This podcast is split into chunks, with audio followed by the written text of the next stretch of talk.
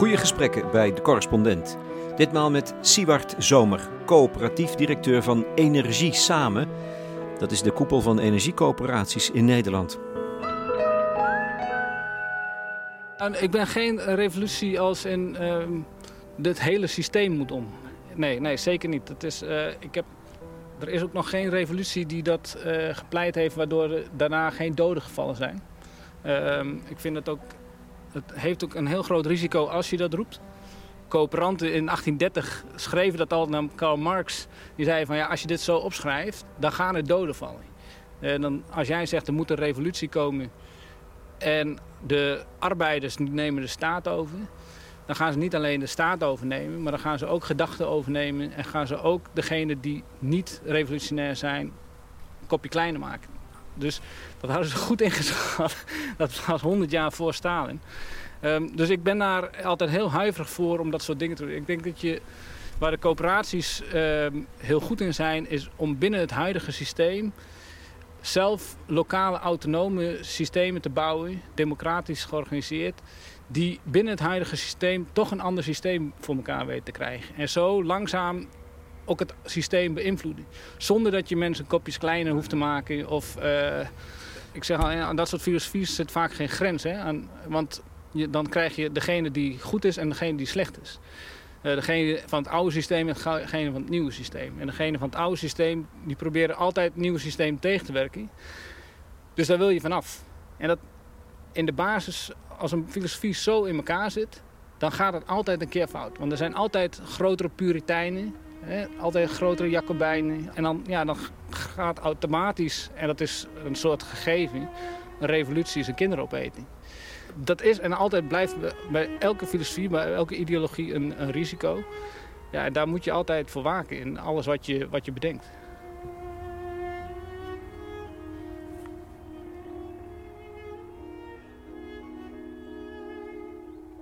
Siewert de Zomer beschouwt zichzelf niet als revolutionair, nee. Maar sinds hij in Amerika politieke filosofie studeerde, zet hij zich wel met ziel en zaligheid in voor de energiecoöperaties in Nederland en Europa rustig van binnenuit de energiemarkt in Nederland transformeren. Dat is het ideaal. Hij woont net een jaar in het hartje van de Bijlmer.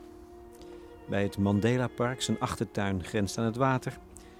Iets verderop ruist onophoudelijk het verkeer van de A9, over energie gesproken. Als ik aankom lopen, staat er een doosje met courgettes voor de deur, gratis mee te nemen. Hoe veelbetekenend dit gebaar. Ja, ja ik heb een uh, groentetuintje uh, achter me hier bij me thuis. En uh, we hebben vier courgetteplanten en ze zijn niet aan te slepen. Dus elke dag hangen er weer drie, vier. En ja, na twee weken courgettesoep en soep was daar bij de goed zat van. Dus laat ik de buren maar meedelen. En ik leg ze buiten en eind van de dag zijn ze altijd weg. Het lijkt een detail, maar het is typerend, denk ik. Ja, ik vind het leuk om te tuinieren, dus dat is mooi om te doen. En, ja, het is wel een beetje deling. En uh, met de productie die je zelf hebt, dat is wel wat ik doe inderdaad. De laatste buurman die even verstopt en zei van wanneer komen de courgettes weer? dus ja, het is gewoon, het, is, het, het nodigt uit en het, het is gewoon heel prettig. Ehm, het was ook een mooie manier om hier de buurt te leren kennen. Ik woon er nu een jaartje en ja, het creëert toch een verbindenis. Dus dat is altijd leuk om dat te doen. Ja. Was jij een jongen die vroeger posters van Che Guevara aan de muur had? Of toch van Johan Cruijff?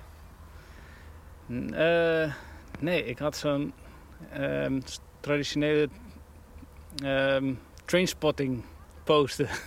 nee, ik was uh, helemaal niet geïnteresseerd in filosofie of uh, marxisme of wat dan ook. Dat is pas tijdens mijn studie gekomen toen ik in Amerika gestudeerd heb en daar filosofie ben gaan studeren. Of twee vakken uh, filosofie. En ik uh, aan het begin van die vakken tegen de lerares zei van... ik lees wel wat hier staat. Ik snap de woorden, maar ik begrijp niet wat er... Dus ik denk dat ik mijn limiet van mijn intellectuele capaciteiten heb bereikt. En zei ze, nee, dat is altijd zo. Het is een taal die je moet leren. En toen aan het eind van het trimester was ik, uh, kwam ik erachter dat ik eigenlijk heel goed was in dat analyseren en dat soort teksten lezen uiteindelijk ben ik na American Studies ook sociale en politieke filosofie gaan studeren. En daar heb ik echt de diehard van uh, ehm, ja, Marx, maar ook de postmoderne Derrida-teksten gelezen. En ehm, ja, dat ja, vind ik nog steeds leuk om te doen. Nou ja, leuk, leuk.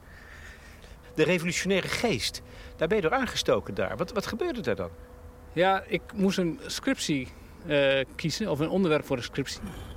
En mijn vriendin was zo slim, die zei van schrijf alsjeblieft je scriptie over iets waar de komende 40 jaar nog werk in te vinden is. En niet zoals die Engelse professoren over een of ander obscuur zinnetje in het uh, marxisme en dan gaan ze in een klein kringetje daarover debatteren. Uh, en in diezelfde tijd zag ik de documentaire Here Comes the Sun van um, Tegenlicht is dat. Het gaat over Herman Shears. En die, die zei toen, het was 2009, zei van ja, die energietransitie dat is geen technische uh, transitie. Dat, die techniek is er al. Het is een sociale uh, transitie. Er uh, wordt macht verlegd. Er wordt letterlijk power, Engels is het dubbel woord, wordt, komt in andere handen. En dat gaat gewoon een hele sociale omslag maken. Toen dacht ik, nou, als ik hier geen scriptie over kan schrijven. Toen, uh, en toen heb ik nog steeds een obscure zin in het marxisme gepakt. En daar als case study zonnepanelen over geschreven. Volgens welke zin? Weet je toch? De titel was um, Connecting the Sun.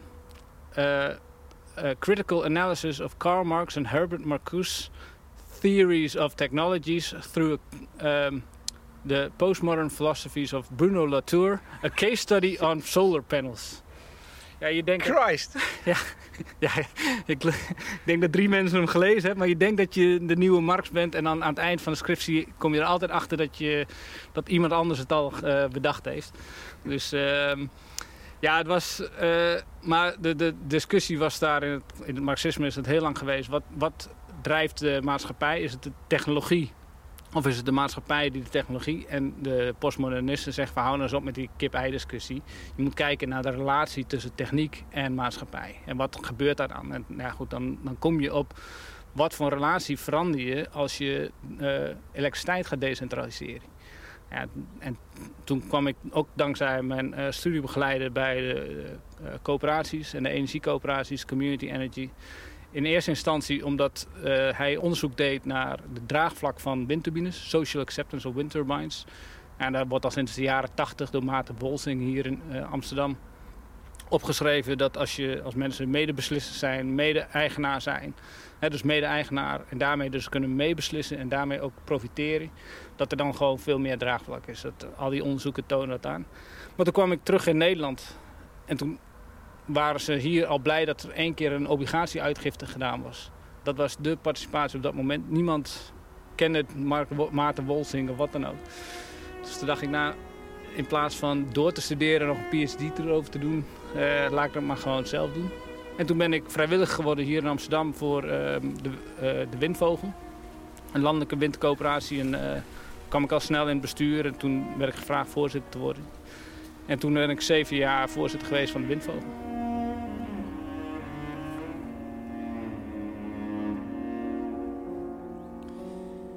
We hebben het over de energietransitie. Daar vallen twee dingen onder. In de eerste plaats natuurlijk de overgang naar duurzame, hernieuwbare energie, wind en zon met name.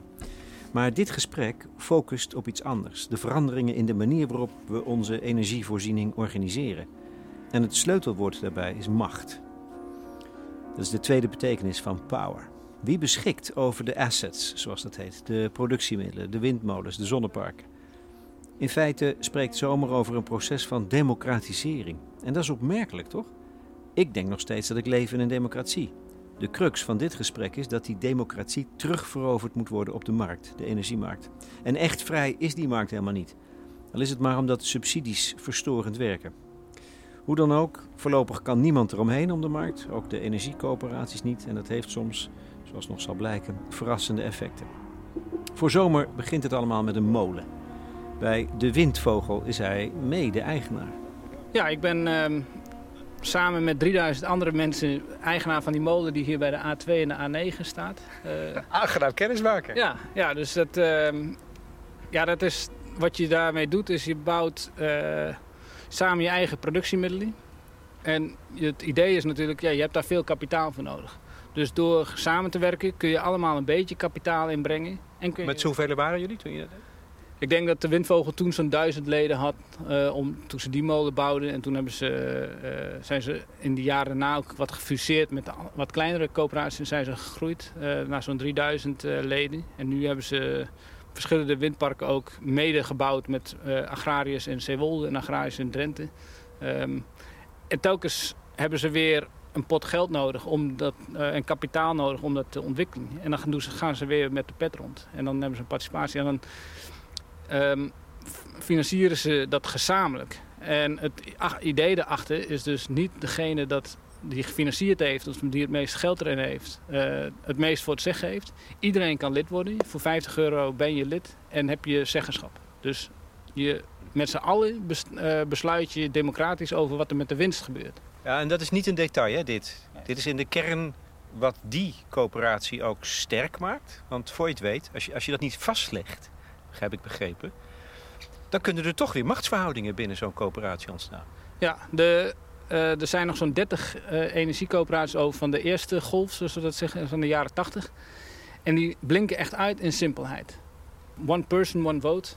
En iedereen is gelijk. Dus geen A-leden, geen B-leden, geen C-leden, geen uh, veto's. Iedereen is gelijk.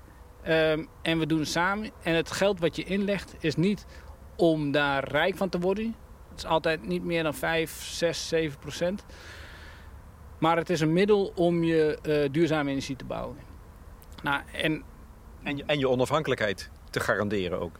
Ja, op het moment dat jij democratisch uh, besluiten moet nemen over verkoop of over uh, cash op wat je opgebouwd hebt met z'n allen, dan moet daar een democratisch besluit aan de grondslag liggen. En in de meeste gevallen zijn de leden van zo'n coöperatie die zijn echt niet ingestapt om waarde te creëren. En dan de toekomstige waarde, hè, zoals het vaak met bedrijven gebeurt, te incasseren en dan opeens heel rijk te worden. En dat maakt ook die, dat die coöperaties super stabiel zijn en super betrouwbaar. Uh, ze worden niet opeens doorverkocht aan um, ja, Google, uh, weet ik veel wat. Ja, degene met het kapitaal. Um, en dat zie je. Die zien daar namelijk niks in ze zouden best de assets kunnen kopen, want daar, daar, de, daar zit gewoon waarde in in de toekomst. Maar de leden die hebben die molens niet gebouwd om uh, duur, te, uh, duur te verkopen of toekomstige winst naar zich toe te halen. Ze hebben die molen gebouwd omdat ze in energie een basisbehoefte zien die ze nodig hebben. Dus, um, en daar maak je ook het verschil tussen bedrijven die gefocust zijn op kapitaal en het verdubbelen van je kapitaal, verdrievoudigen van je kapitaal. Dat is, die zijn gefocust op groei uh, portfolio's opbouwen. En dan het ooit een keer verkopen aan een grotere kapitalist. En coöperaties zijn gebaseerd op uh, langdurigheid, duurzaamheid, uh, democratie. Om zo te voorzien in, je, in, de basisbehoeften van de leden. Dat zie je gewoon dat dat verschillende soorten DNA's ook zijn. En dat is, soms kan er prima mee, mee samengewerkt worden met dat soort partijen. Maar het kan niet samen gaan. En hoe groot is het enthousiasme nu in Nederland? Over hoeveel, hoeveel coöperaties hebben het? Hoeveel mensen zijn er daarbij betrokken? De, die 30 waren, de, die overgebleven waren van de eerste golf. Daar zit een, um, nog een geschiedenis achter. Er waren best nog wel wat. Maar op een gegeven moment heeft Nederland besloten dat de ontwikkeling van duurzame energie... dat het overgelaten moest worden aan de markt. Dus een politiek besluit geworden, we gaan dit zo doen. En we hebben allemaal buitenlandse en Nederlandse investeerders uitgenodigd om dat te ontwikkelen. Nou, daar konden heel veel van die coöperaties gewoon niet in mee. Uh, ze, hè, als jij opeens met veel geld heel veel mensen aan het werk kan zetten en je bent een langzamer bedrijf, dus die, dus die gingen samen. Um, maar wat er na twee... Ze zijn dus opgegeten eigenlijk. Ja, zijn verdwenen. zijn gefuseerd eigenlijk. Um, nou ja. ja, ja. Mooi woord voor opeten. Ja, ja uh, maar in, na 2008, met name ook na de uh, eerste financiële crisis. Uh, crisis zijn altijd gouden tijden voor, energie, voor coöperaties aan zich.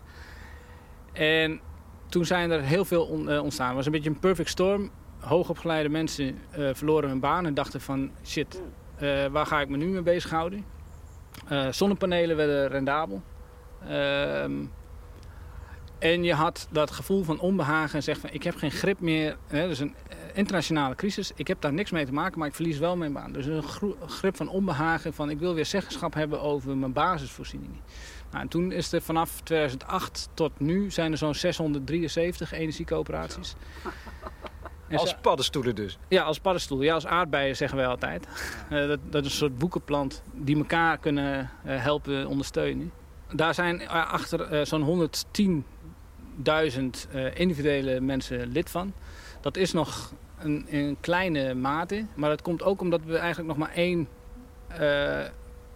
nou, één product, sommigen doen het wel iets meer aanleveren. En dat is gewoon gezamenlijk investeren. De productie gaat met name gewoon de internationale markt op. Nou, waar we nu echt naar kijken, met name nu met de hoge energieprijzen, zeggen van nou, we weten wat die molen gekost heeft.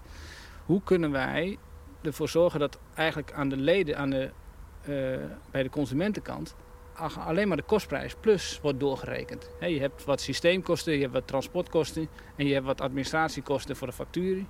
Als je die optelt, dan is dat ongeveer de helft van wat, we, wat je nu krijgt, omdat het allemaal van de internationale markt, waar het enorm hoog is. Dat begrijp ik dan dus niet.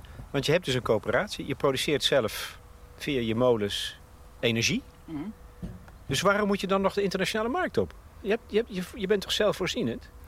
Ja, omdat je nog het uh, netwerk gebruikt. Dat is de ene kant. En de andere kant is um, dat de consumentenprijs, de, nationaal, de, de markt, was tot op heden uh, goedkoper dan de productie.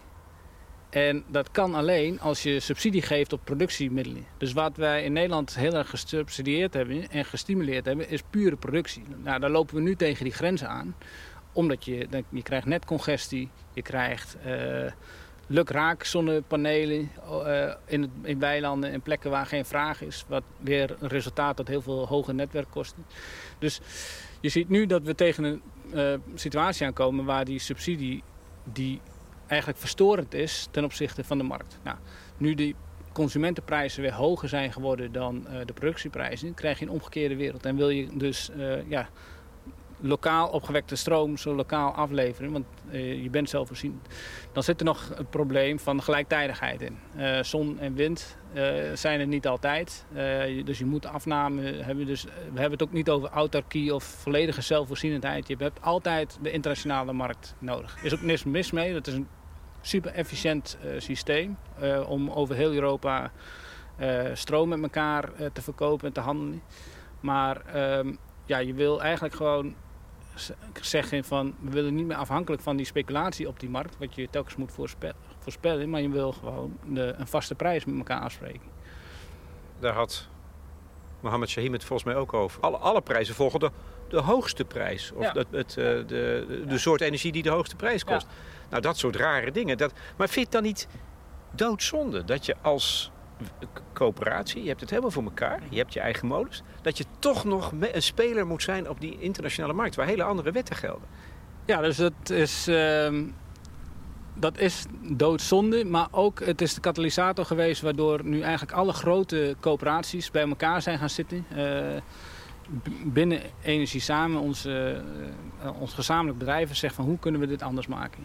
De meeste coöperaties uh, maak, naai daar nu wel een mouw aan door eigenlijk soms gewoon cashbacks te geven. Je hebt uh, coöperatie Betuwe Wind, die hebben vijf molens. Die verdienen nu, omdat ze die stroom op de internationale markt zetten, heel veel geld. Maar die hebben tegen hun leden gezegd, lever je energierekening in, dan betalen wij de helft. Gewoon cash. Dus dat is heel rudimentair. We hebben andere coöperaties die leveren, die hebben gezegd, nou gemeente, het is vrij lastig, want je moet die gelijktijdigheid goed bedenken. Je moet goed inkopen in de markt wanneer je het niet hebt.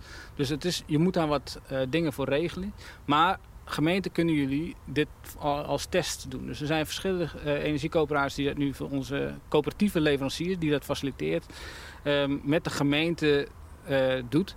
Ja, de volgende stap is grootgebruikers, omdat je dat profiel beter kan voorspellen. En de volgende stap is consumenten. Dus er komt best wel wat bij kijken om dat te doen. Omdat nu het systeem zo ingericht is uh, dat het gewoon makkelijker was om het op de markt te zetten. Maar nu wil je dus binnen het huidige systeem en binnen de huidige wetgeving die, uh, die verandering uh, doormaken. En dat, ja, daar zijn we daar zijn we druk over aan het nadenken. En er zijn we ook ja, subsidieprojecten. Hè, we hebben innovatieprojecten in Nederland om dit soort dingen uit te zoeken. Er moet enorm veel uitgezocht hebben, maar het kan een ja, vrij disruptieve oorzaak hebben dat als je als coöperatie 20% goedkoper kan zijn dan de markt opeens, dan ja, dan is het een economische wet dat het die kant op stroomt. Want even voor mijn duidelijkheid, hè, en soms, soms duizelt het me als het hierover gaat. Want ik snap daar niks van, die systemen die daar achter, de, achter mijn energierekening zitten. Ik zou zeggen, omdat je zelf energie opwekt, ja. dan heb je toch bijvoorbeeld geen last van de energiecrisis. Dan blijven die prijzen toch gewoon laag. Ja. Dat is wat je zou verwachten. Maar dat is dus niet zo. Ja, vroeger zeiden we van het is een kropje sla uit je eigen tuin. Ja. Maar dat is het dus niet. Een elektron is even een ander soortig uh, karakter dan een, uh, een kropje sla wat je uit de tuin haalt. Het moet direct gebruikt worden. Het moet via koper uh, bij iemand thuiskomen. dus het, vandaar dat we daar... Je moet toch altijd eerst nog die markt op? Je, je, moet toch, je bent toch altijd afhankelijk van die markt. En wat je door gelijktijdigheid te creëren, dus de afname en productie zo goed mogelijk op elkaar af te passen, dan kun je uh, met elkaar een vaste prijs afspreken. Maar in andere tijden moet je toch gewoon inkopen. Dus het, daar zit best een complexe uh, materie achter. Ik begin daar zelf ook als filosoof ook steeds meer van te snappen. Wat hier, het mooie hier wel van is, is dat ik het nu moet uitleggen ook aan mijn leden, maar ook aan andere leden. De bestuurders moeten het ook uitleggen aan hun leden van een coöperatie. En opeens begint zo'n energiemarkt dan ook te leven. De energietransitie was natuurlijk een, een, ja, een soort blackbox verhaal die andere partijen deden. Maar op het moment dat jij als lid van een energiecoöperatie meedoet in zo'n model, dan ben je ook mede eigenaar, maar ook mede probleemeigenaar.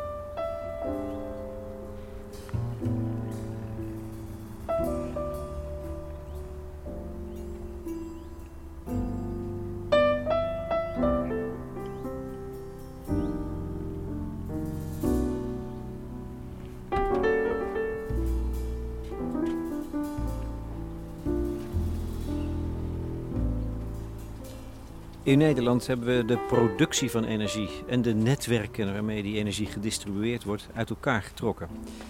Dat leidt soms tot netcongestie, overbelasting. Producenten hebben een eigen belang, willen het liefst zoveel mogelijk stroom op het net gooien. De netbeheerders zijn verplicht om kabels te trekken. Maar dat is niet altijd in het belang van de samenleving. Volgens Siebert Zomer van Energie Samen is er binnen de energiecoöperaties veel meer sprake van een gezamenlijke verantwoordelijkheid. Je vormt immers een soort gemeenschap staan ze daarmee tegenover de grote commerciële bedrijven als een soort David en Goliath. En heeft de Nederlandse overheid de laatste jaren consequent gekozen voor het belang van die grote bedrijven, ten koste dus van Nederlandse burgers?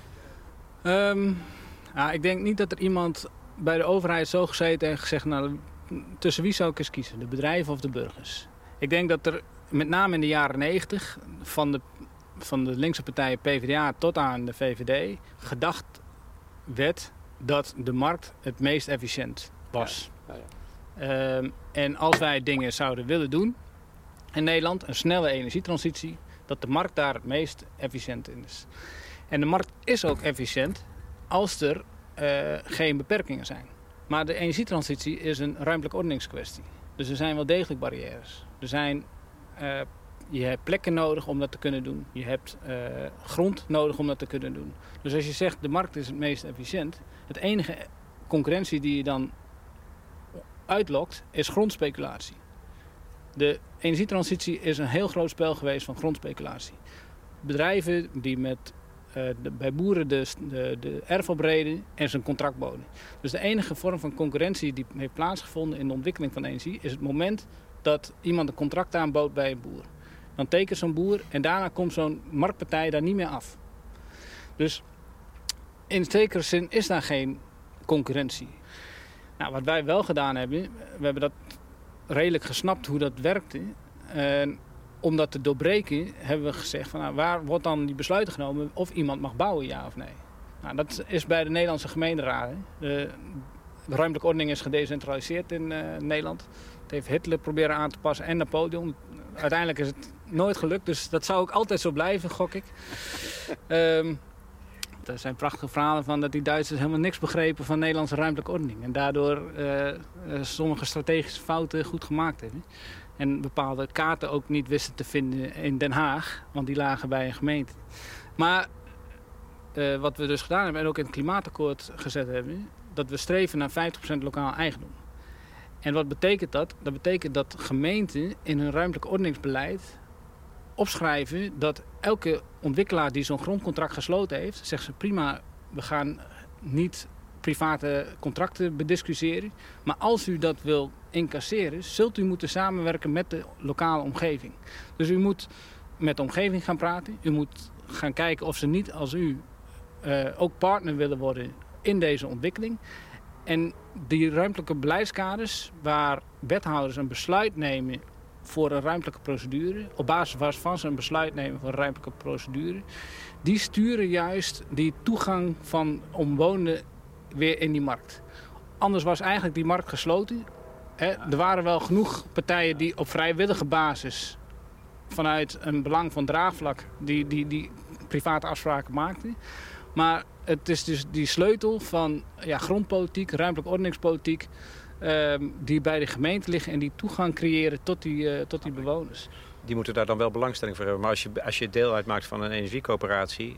dan is daar in ieder geval de kennis voorhanden om op tijd mee te kunnen denken. Ja, je, je, ziet ook dat heel veel van dat soort projectontwikkelaars nu de korte klap maken... en direct gewoon een afspraak maken met de lokale coöperatie.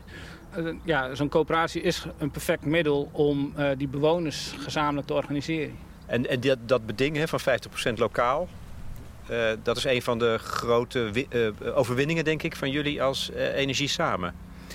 Ja, ja, goed. Ik zat na, aan de tafel elektriciteit. Ehm, Kees Venderik als voorzitter. de gemeente die eigenlijk dachten van ja, we gaan niet meer wind op land doen. We gaan alles op zee zetten. Want al dat gezeur van de laatste energieakkoord, dat gaan we niet nog een keer doen. Maar gelukkig hadden daar een paar mensen gewoon goede ervaringen met coöperatieve windparken. Uh, Berend de Vries was toen de onderhandelaar voor de VNG. Zelf wethouder geweest in Tilburg. Die heeft gewoon gezien, die heeft vanaf stand 1 gezegd... nou, dit wordt een coöperatief windpark. Van idee tot aan bouw drie jaar. Ongekend in Nederland. Dus die, uh, normaal duurt het zeven jaar, soms wel twintig jaar... Uh, vergunningen, geen bezwaren, niet naar de rechter. Dus die wist gewoon wat voor een effect dat had. Nou, en ik had het geluk dat tijdens de onderhandelingen nog vijf van dat soort projecten niet naar de rechter hoefden.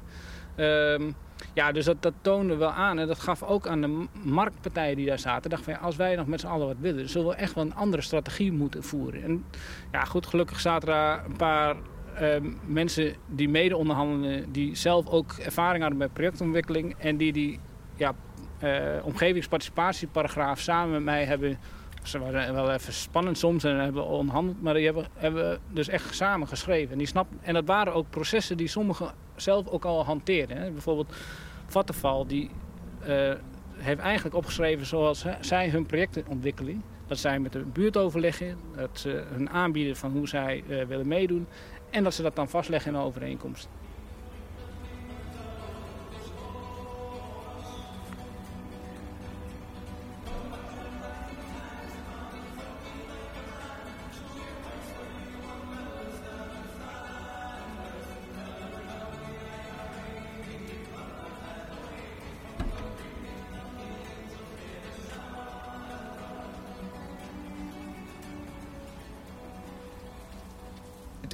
Wat mij heeft verbaasd, maar misschien is het helemaal niet waar, is dat de, de energiebedrijven winsten maken. Nu. Die maken grote winsten. Klopt dat?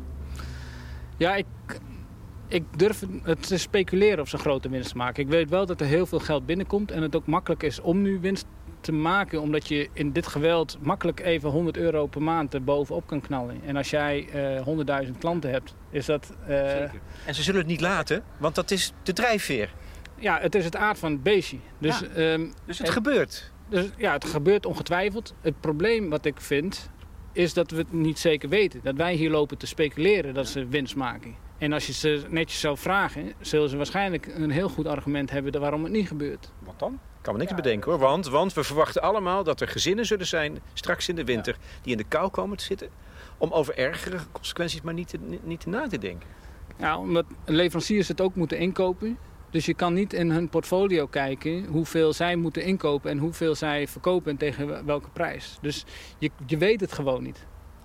We, weet je wel wie de eigenaren zijn van die bedrijven? Zijn dat buitenlanders? Ja, je kan denk ik in de KVK kun je het opvragen, maar het zijn buitenlandse investeringen. Je zult aan het eind van het jaar zou je eventueel kunnen zien hoeveel er uitgekeerd wordt uh, aan die uh, investeerders. Maar dat is mijn grote probleem. Je hebt uh, een energietransitie opgebouwd waar die transparantie volledig ontbreekt. En als je die transparantie wil af, afdwingen, dan heb je een overheidsorgaan van je welste nodig. dan heb je een ACM nodig die 6, 7, 8, 9 keer zo groot is. En accountants aan het werk heeft en uh, financiële mensen aan het werk heeft die al die accountants van die bedrijven de, de baas kunnen zijn. Nou, dat ga je nooit voor elkaar krijgen. Maar dat is precies waarom ik net eh, speculerend zei... de overheid kiest eigenlijk voor die grote commerciële partijen. die, die, die houden, hebben dat jarenlang in stand gehouden... volgens neoliberaal uh, uh, gedachtegoed. Ja, er werd mij vorige keer de vraag gesteld van... moet je die winsten weer afpakken? En zei ik van, nou, nee, dit is een gevolg van de politieke keuzes die je gemaakt hebt over hoe jij je energiesysteem inricht. Nou, is het dan uh, een bewuste keus geweest? Ik denk niet dat je deze gevolgen goed hebt kunnen overzien. Wat ik wel zie is dat nu deze discussie gewoon loopt in de warmtetransitie. Minister Jette moet straks een keus maken. Gaan wij warmtenetten? Who owns the means of production? Wie heeft echt zeggenschap in die systemen en wie creëert de transparantie? Gaan we dat publiek of gaan we dat privaat maken? Concreet gaat het hier om de zogeheten warmtewet, waar nu over onderhandeld wordt. In die nieuwe warmtewet wil minister Jette van Klimaat en Energie toe naar iets waar de gemeenten al langer op aandringen. Ontkoppel de energieprijs voor warmtenetten en de gasprijs. De startdatum is uitgesteld tot 1 juli 2024, maar het is een geweldige kans voor deze minister om iets van de marktwerking terug te draaien? Daar ligt absoluut de kans om dat, dat terug te draaien. Wil niet zeggen dat er geen markt meer is. Hè. Er gaat, uh, maar als jij zeggenschap hebt over de productie en de, of met name de assets in zo'n uh, warmtebedrijf, dan kun je de transparantie creëren die bewoners nodig hebben om vertrouwen te hebben in zo'n warmtebedrijf. Wij zijn als coöperaties, zeggen wij, van je moet als eindgebruiker, wat onze leden zijn, tot op de koffiebonen kunnen zien wat iets gekost heeft. En dan weet je dat er gewoon niet niks aan de strijkstok hangt. Wil je zeggen dat er niemand geld mag verdienen? Nee. Je mag best uh, um, uh, een paar centen verdienen en als je iets heel efficiënts doet en daarmee een kostenbesparing voor de afnemer creëert, maar jij kan het nog goedkoper en je maakt daar winst, helemaal prima. En, en dat is ook wat ik voorzie. Als je een warmtetransitie hebt, zorg dat die assets in handen zijn of direct van bewoners in een coöperatie of van een publieke partij, netbeheerder of een gemeente.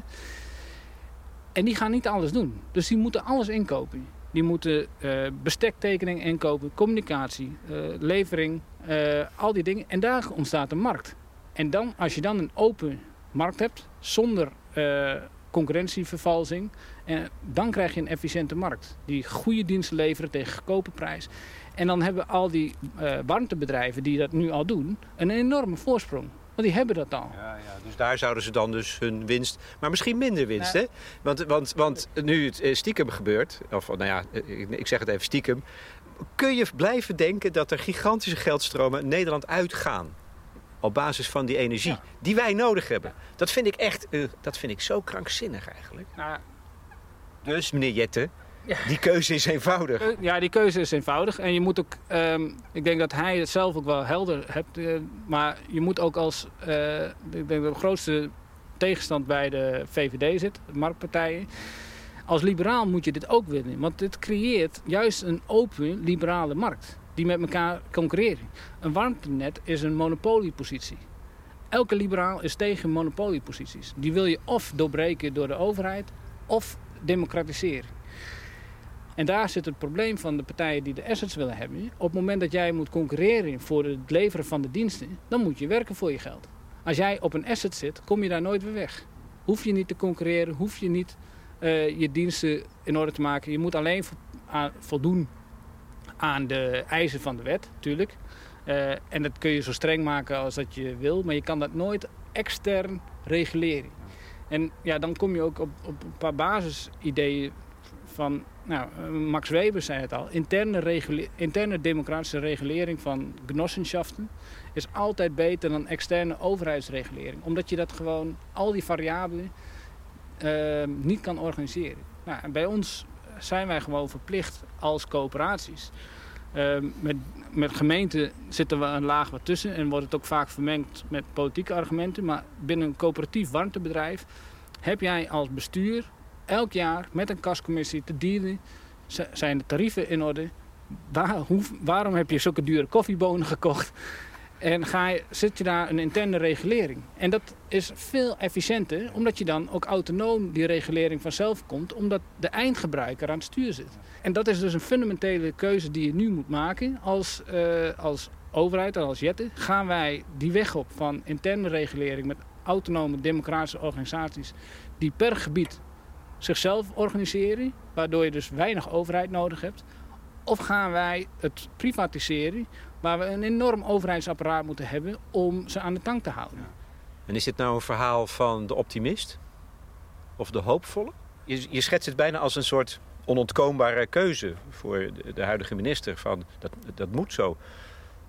Nou, het is een, uh, de, de hoop van een pragmatist. Dus ik, ja, ik, Die kende ik nog niet.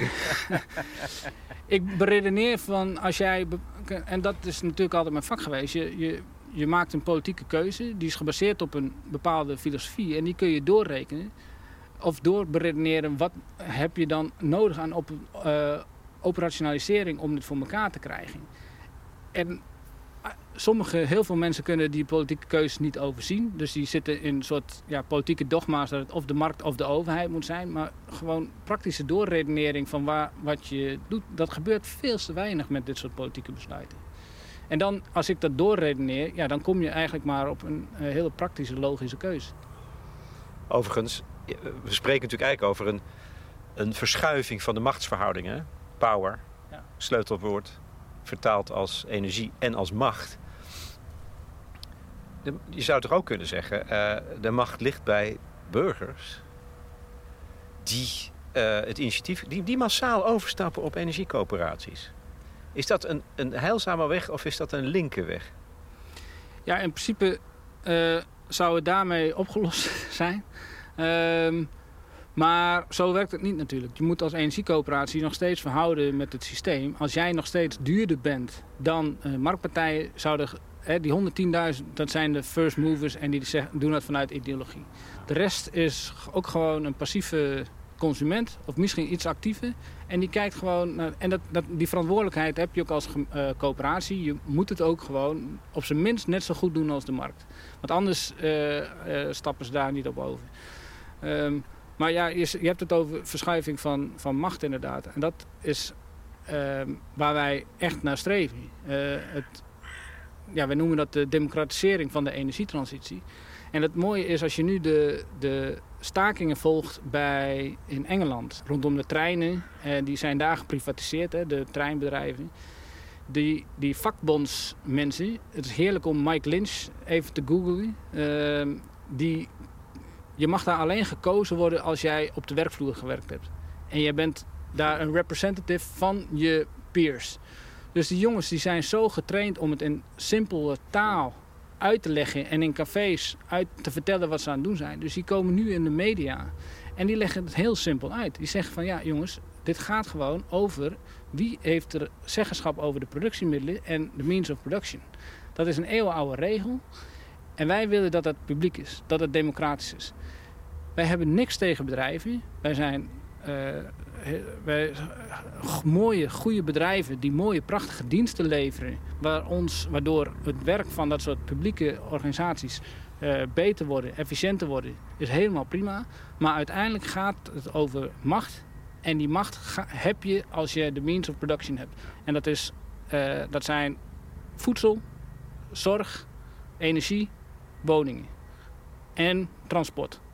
Als we die uh, democratisch maken en democratische organisaties, dan kan er een enorme prachtige markt voor al die dingen zijn om dingen te leveren. En dan heb je een heel stabiele democratie in mijn beeld. Hè. Als je, iedereen denkt, kijkt altijd naar democratie in een politieke zin. Maar we accepteren dat de economie autocratisch is. Dat dat in boardrooms door een groepje mannen besloten wordt.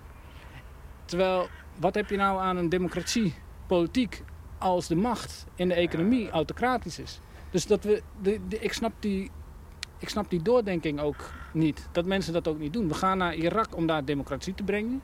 Maar we accepteren het dat onze olie, onze voedsel, onze zorg... dat dat in, bij, soms bij, in Amerika door een groepje uh, mannen besloten wordt. ik kan daar met mijn kop niet bij. Dat, is, dat is, volgens mij zei Jan Terlouw dat tegen mij toen ik hem jaren geleden sprak. Nou, dat de politiek eigenlijk weer de macht terug moet nemen van de markt. Ja, dat, dat is weer die, die, uh, die, die bilaterale... Er is maar, het zijn maar twee dingen, markt en overheid.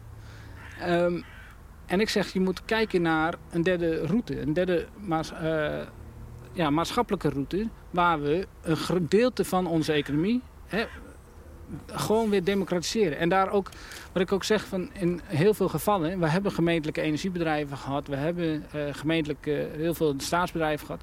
Als je overheid en onderneming laat doen... dan uh, worden politieke belangen gaan daarin vermengen. Dus verwatert dat. En dan is het altijd lastiger om die pure democratie rondom dat bedrijf te behouden.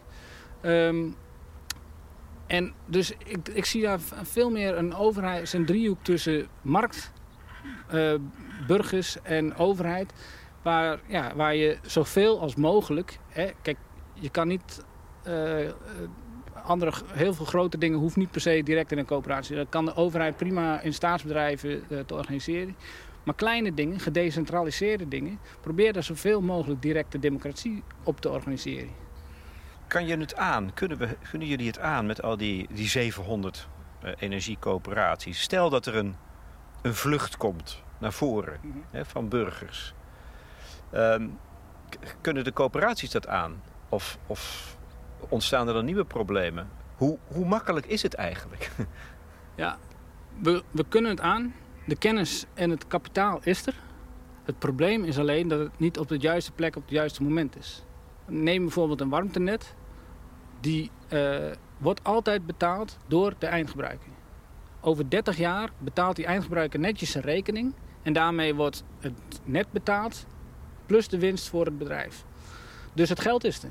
Uiteindelijk betalen ze het altijd. Via belastingen betalen we het ook. Uh, als er een onderendabele top is. Dus het geld is er. De kennis zijn van mensen die nu in wijken wonen, in de buurt wonen, maar tussen 9 en 5 professioneel zijn. Maar blijkbaar van tussen 5 en 7 onkundige vrijwilligers zijn die niks kunnen. Dus ook dat is er. Het enige waar we ja, dat bedoel je dus als ironisch, ja, toch? Ja, ja, nee, ja, voor de, voor de, ja. het kan niet nee, altijd... Uh... Dus we spreken nu ook consistent van professionele vrijwilligers. Omdat het idee zou zijn dat mensen na vijven opeens uh, domme burgers zijn. Um, maar overdag werken ze gewoon voor een baas en zijn ze heel slim. Nou, dus de kennis en het kapitaal is er. Het enige, als het nu in loop gaat, is dat het niet op de juiste plek... Dus als je als overheid echt wat wil, moet je zeggen... wij gaan die, dat kapitaal en die kennis gaan wij vooruit trekken en op hele korte termijn volle bak investeren in deze sector om dit op korte termijn naar voren te trekken. En dan kun je... Uh, en wat, ja. wat, moet, wat heb je daarvoor nodig dan? Hoe, hoe, hoe kan de overheid dat dan doen? Wat moeten ze dan inrichten?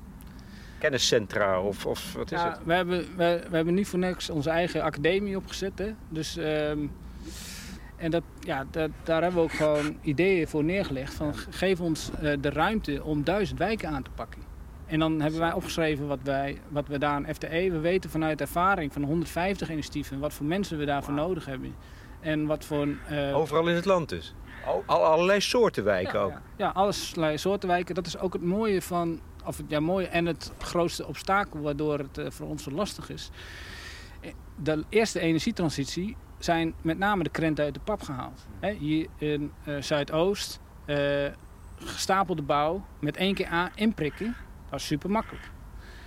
Maar wij als energiecoöperaties hebben geen keuze. Wij wonen ergens. Dus onze afweging is niet wat is nou de beste plek.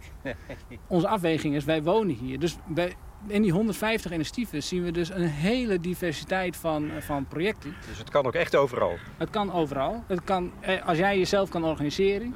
Ja. En... moet je, moet je er, ja, dat zeg je. Moet je er slim voor zijn?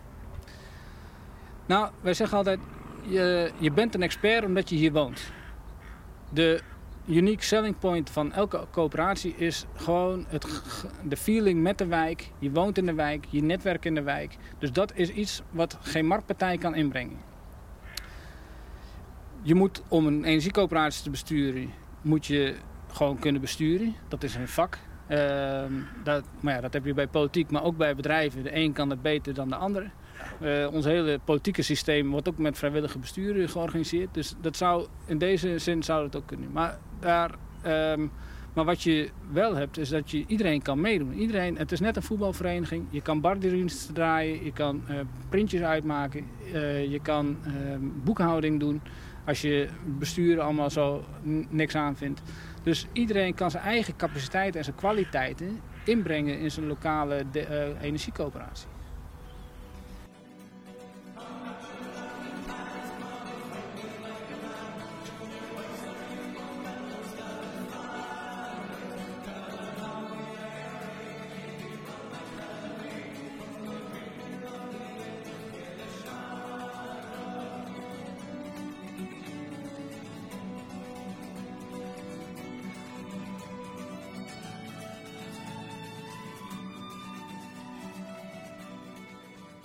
Er is natuurlijk ook nog een, een, sprake van een energiecrisis. Niet alleen een transitie, maar ook een crisis. Is dit systeem, hè, dat, dat, dat, dat systeem dat eigenlijk zich nestelt in het grote systeem, beter opgewassen tegen een crisis van deze aard? Ja, nou ja, dat is eigenlijk altijd zo gebleken. Hè? Dus binnen, uh, zoals ik al zei, crisis zijn gouden tijden voor coöperaties. Ja, dat begreep ik even niet. Ik heb mijn langs horen kopen, maar dan, ja. moet je, dan mag je dat nu uitleggen. Nou, eh, in tijden van crisis zien mensen dat zij uh, geen grip hebben op die crisis. Dat hebben we bij de financiële crisis gezien en dat zien we nu bij de energiecrisis. En dan denken ze, we gaan het maar zelf doen. En het probleem in een crisis is, is dat jij, als jij geen zeggenschap hebt over die means of production, of hoe jij geld verdeelt en hoe jij waarde verdeelt van die productie, zit trek je altijd aan het kosten eind. Iedere consument kan nu niet uh, kan niet naar een uh, energiecoöperatie of naar zijn energiebedrijf en zeggen van... hé, hey, laat me eens even zien hoeveel je verdient en herverdeel dat even onder je klanten. Kunnen ze wel doen, maar ik verwacht niet dat ze daar uh, bij de helpdesk een, uh, een, nummer, een, nummertje zit voor... Wil, wilt u herverdeling en eerlijke verdeling van waarde? Doe dan een 5, zegt dan. dus... Um, maar bij energiecoöperaties wel. En dat, dat, ik nam net, noemde net een paar voorbeelden. Je ziet nu bij alle energiecoöperaties de discussie in de ledenvergadering, jongens, wij verdienen met onze molens godsgruwelijk veel geld.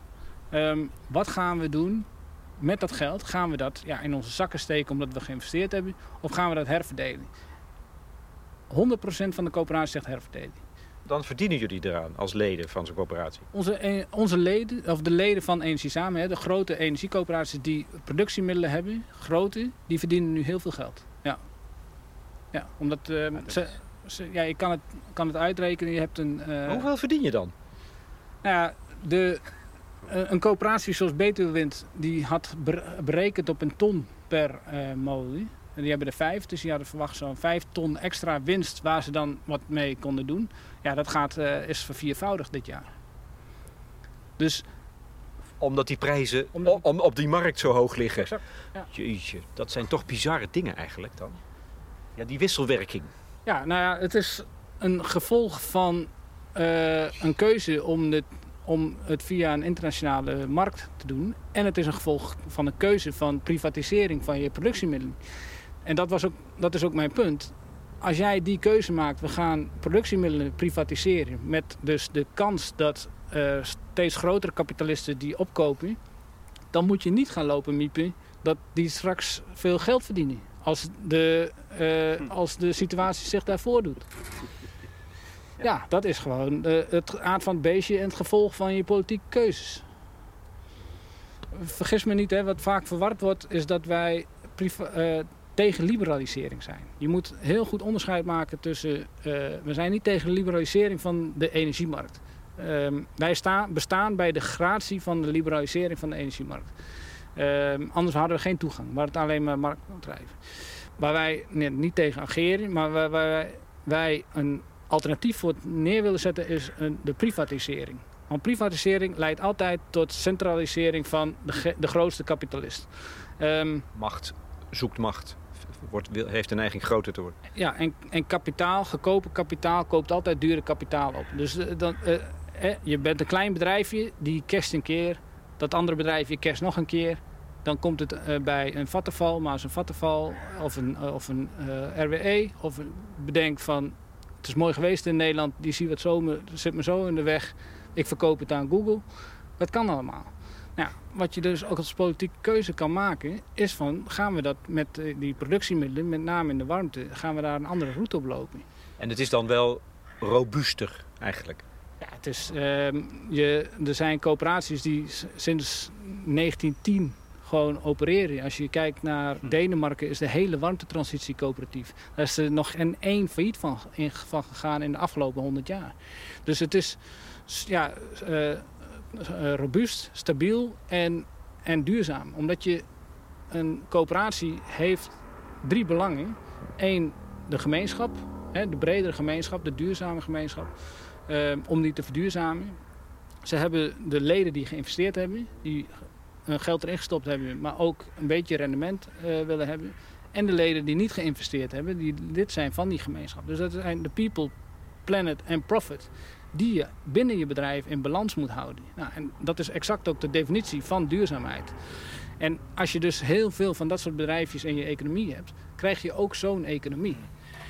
Je gaat opeens iets voor je zien in plaats van er komt alleen maar ellende op ons af. En hoe moeilijk is het om een transitie door te maken? En we hebben het eigenlijk nog niet eens over duurzame energie gehad. Hè? We hebben het eigenlijk alleen maar over de organisatie gehad. Maar, ja, dat eh, zeg ik al, zei ik al, hè? het gaat ook niet over techniek. Die techniek is er al wel, uh, die wordt gebouwd, die, die wordt steeds verbeterd.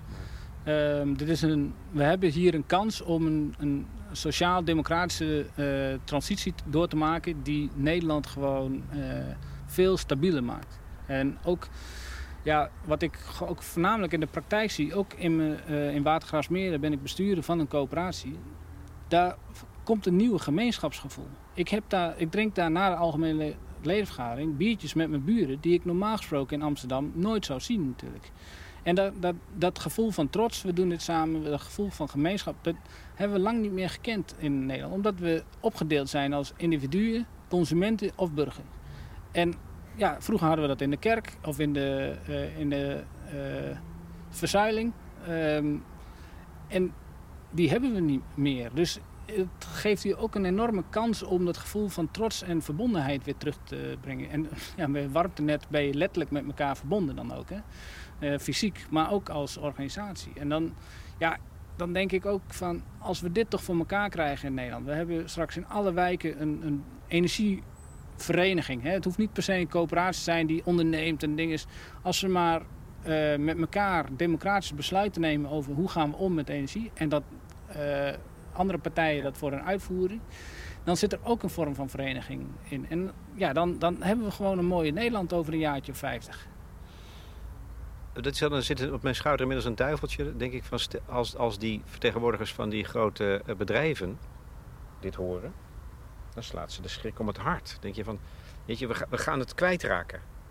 Dat, dat gevoel. Dus we moeten oppassen. Dus we gaan iets doen. We gaan lobbyen, weet ik veel wat. Ja, ja dat kan. Dat kan. Maar die, in mijn beeld verlies je die strijd altijd. Als jij als buitenlands bedrijf tegen Nederlandse burgers gaat uh, belobbyen. Uh, ik zie heel veel bedrijven die dit gewoon inherent maken in hun strategie. Hè. Uh, bij de wind is dat uh, gebeurd. neem een bedrijf pure energie die heeft al voor het klimaatakkoord hadden ze gewoon standaard 50% lokaal eigendom. Omdat het hun helpt bij de ontwikkeling, maar ook gezegd van wij moeten ons verhouden tot die beweging. Dus als wij met ze gaan concurreren, gaan we het verliezen. En dat zie je gewoon dat dat dan ook prima samengaat. En het, ik, we gaan niet naar een coöperatieve heilstaat. Je krijgt een, een samenvoegsel van uh, grote bedrijven die grote productie doen, uh, wind op zee en dat die internationale markt blijft bestaan. Um, dus er is gewoon ook plek voor die, voor die bedrijven. Sommige bedrijven zullen zich naar een dienstenbedrijf voor coöperaties, waar, ze, uh, ja, gewoon, waar wij dan de diensten kunnen inkopen.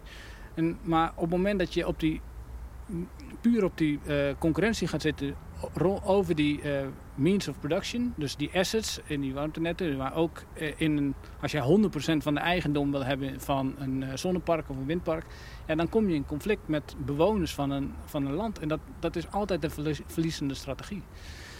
Waar wel het risico zit daar, is dat je die bewoners niet goed gedefinieerd hebt. Dus dat overheden constant moeten nadenken wat zijn dit nou? Is dit nou de markt of zijn dit nou bewoners? Nou, we hebben daar twee jaar lang discussie over gehad met de gemeente Amsterdam Of wij nou een marktpartij waren of bewoners. Dus als je dit wil stimuleren en ook een plek wil geven, dan moet je daar een definitie voor maken. In Europa is die definitie gemaakt, specifiek hierom. Hè, dat heet energiegemeenschappen. Zodat overheden een onderscheid konden maken tussen ondernemende burgers die niet concurreren op de internationale markt, maar gewoon voor een eigen energiesysteem lokaal bezig zijn. En marktpartijen. Zodat je daar ook gewoon uh, ja, stimulering voor kan opzetten, samenwerking voor kan opzetten en al die andere, andere zaken. En, en als we dat ook niet doen in deze warmtewet, dat is ook zo'n logische beredenering, dan krijg je A, willekeur bij gemeenten over hoe zij omgaan met dit soort initiatieven. En B, wordt het een enorme juridische uh, haakloverij rondom staatssteun en dat soort dingen. En wordt het, nou, dan gaan heel veel juristen heel veel verdienen aan dit soort uh, discussies. Um, dus, dat is ook zonde. Ja, nou ja, goed, de gemeentes hebben maar beperkte middelen. Als ze daar voor elk project een ton moeten besteden om te definiëren wat een uh, bewonersinitiatief nou precies is door een jurist, ja, dat is zonder geld. Dus dan doe dat in één keer goed in die warmtewet. Je wilt uh, Siewart Zomer niet echt spreken van een revolutie, want die eet uiteindelijk altijd zijn eigen kinderen op. De, de dichter Loetje Bert had het wel over een kleine ritselende revolutie. Eh, dat vind ik wel een goede voor waar jij het net over gehad hebt. Ja, ja, ja dat is, uh, die moet ik dan nog even lezen. Dan wil, wil, ik wel weten waar het vandaan komt. Maar dat is... En, en, dat is het ook. Hè. We zijn nog heel klein. we hebben onze grote beelden en onze grote um, ideeën. Nou, die zitten in mijn hoofd. En ik ben ook blij dat ik een uur krijg om het een keer uit te leggen. Iedereen is me binnen de sector nu langzamerhand wel zat. Dus, uh, maar ja, het moet, we moeten het wel organiseren. We moeten het operationaliseren. We moeten mensen aantrekken. We moeten de, de details van uh, dakconstructies en hele kleine dingetjes. Het moet wel allemaal gedaan worden. Dus we zijn er nog lang niet. Um, maar dat zijn ook banen. Dat zijn enorme banen. Ja, ik zeg altijd, uh, als je dit voor elkaar krijgt en dan is, wordt het gewoon mensen die van, van 9 tot 5 voor een baas werken, die kunnen straks op zijn fiets in hun eigen wijk hetzelfde doen. En het is een enorme uh, kans om mensen binnen, binnen die sector te trekken. Ja, de, dat is wel interessant. Rondom die, die, de lopen onderzoeken nu naar de capaciteit van gemeenten om publieke uh, netten te doen. Of zij, dan gaan ze kijken naar de ambtenaren die er zijn en het kapitaal die de gemeente hebben. Wij zijn daar niet in geconsulteerd in dat onderzoek. Er ligt een enorme capaciteit van bewoners, vrijwilligers, professionele vrijwilligers en kapitaal van bewoners om in die warmtetransitie enorm veel te doen. Wordt tot nu toe uh, gewoon nog genegeerd in dat soort onderzoeken. Ik denk dat wij daar het viervoudige van hebben van uh, wat de gemeentes uh, aankunnen. Hier, hier. Dus als je, als je dat, die capaciteit niet ont, ontsluit ook in die energietransitie, wordt het gewoon A, een heel langzame, maar ook een heel dure energietransitie. Want anders moet je die capaciteit inkopen. En dat is gewoon, ja, dat, dat, dat zie je nu al bij heel veel gemeenten, dat het een groot goudmijn wordt voor adviesbureaus. Mag ik deze courgette meenemen? Je mag courgette meenemen. Ik heb ook nog aardappelen voor je en uh, een paar uh, aubergines als je wil. Ik weet wat ik eet vanavond. Mag ja. je heel hartelijk danken. Heel, met alle plezier. Dankjewel.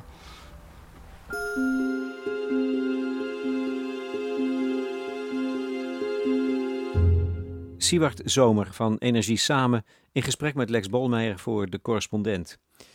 Ik mag hopen dat dit enig enthousiasme oproept en vragen. Beide kunnen jullie kwijt op ons platform. Dat is toegankelijk voor leden. En over dat lidmaatschap volgt zometeen nog een collectieve toespraak. Ik ben vooral benieuwd naar ervaringen van mensen die lid zijn van een energiecoöperatie. Deel die ervaringen, daar kunnen we van leren. Siewart is bereid om vragen te beantwoorden en zich te mengen in de discussie. Nogmaals, die vindt plaats in onze bijdragesectie. Tot slot nog een opmerking over de muziek. Er zit een improvisatie in van Maya Friedman en Maarten van Veen van hun nieuwe CD Nuit. Evenals een stuk van Keith Jarrett met zijn Standards trio. Ook een lekkere energie vond ik dat. En een Irish Rebel Song, favoriet genre van Siward Zomer. Omdat er strijdbaarheid in zit en een historisch besef. Come out you black and tans in de versie van Aaron's Guild.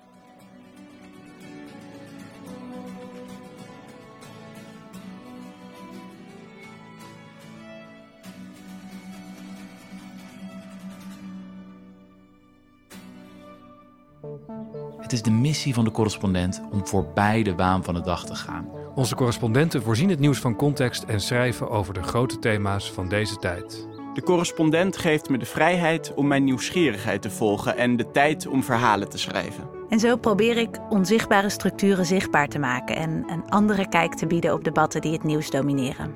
Dan gaat het minder over het spelletje en veel meer over wat er op het spel staat.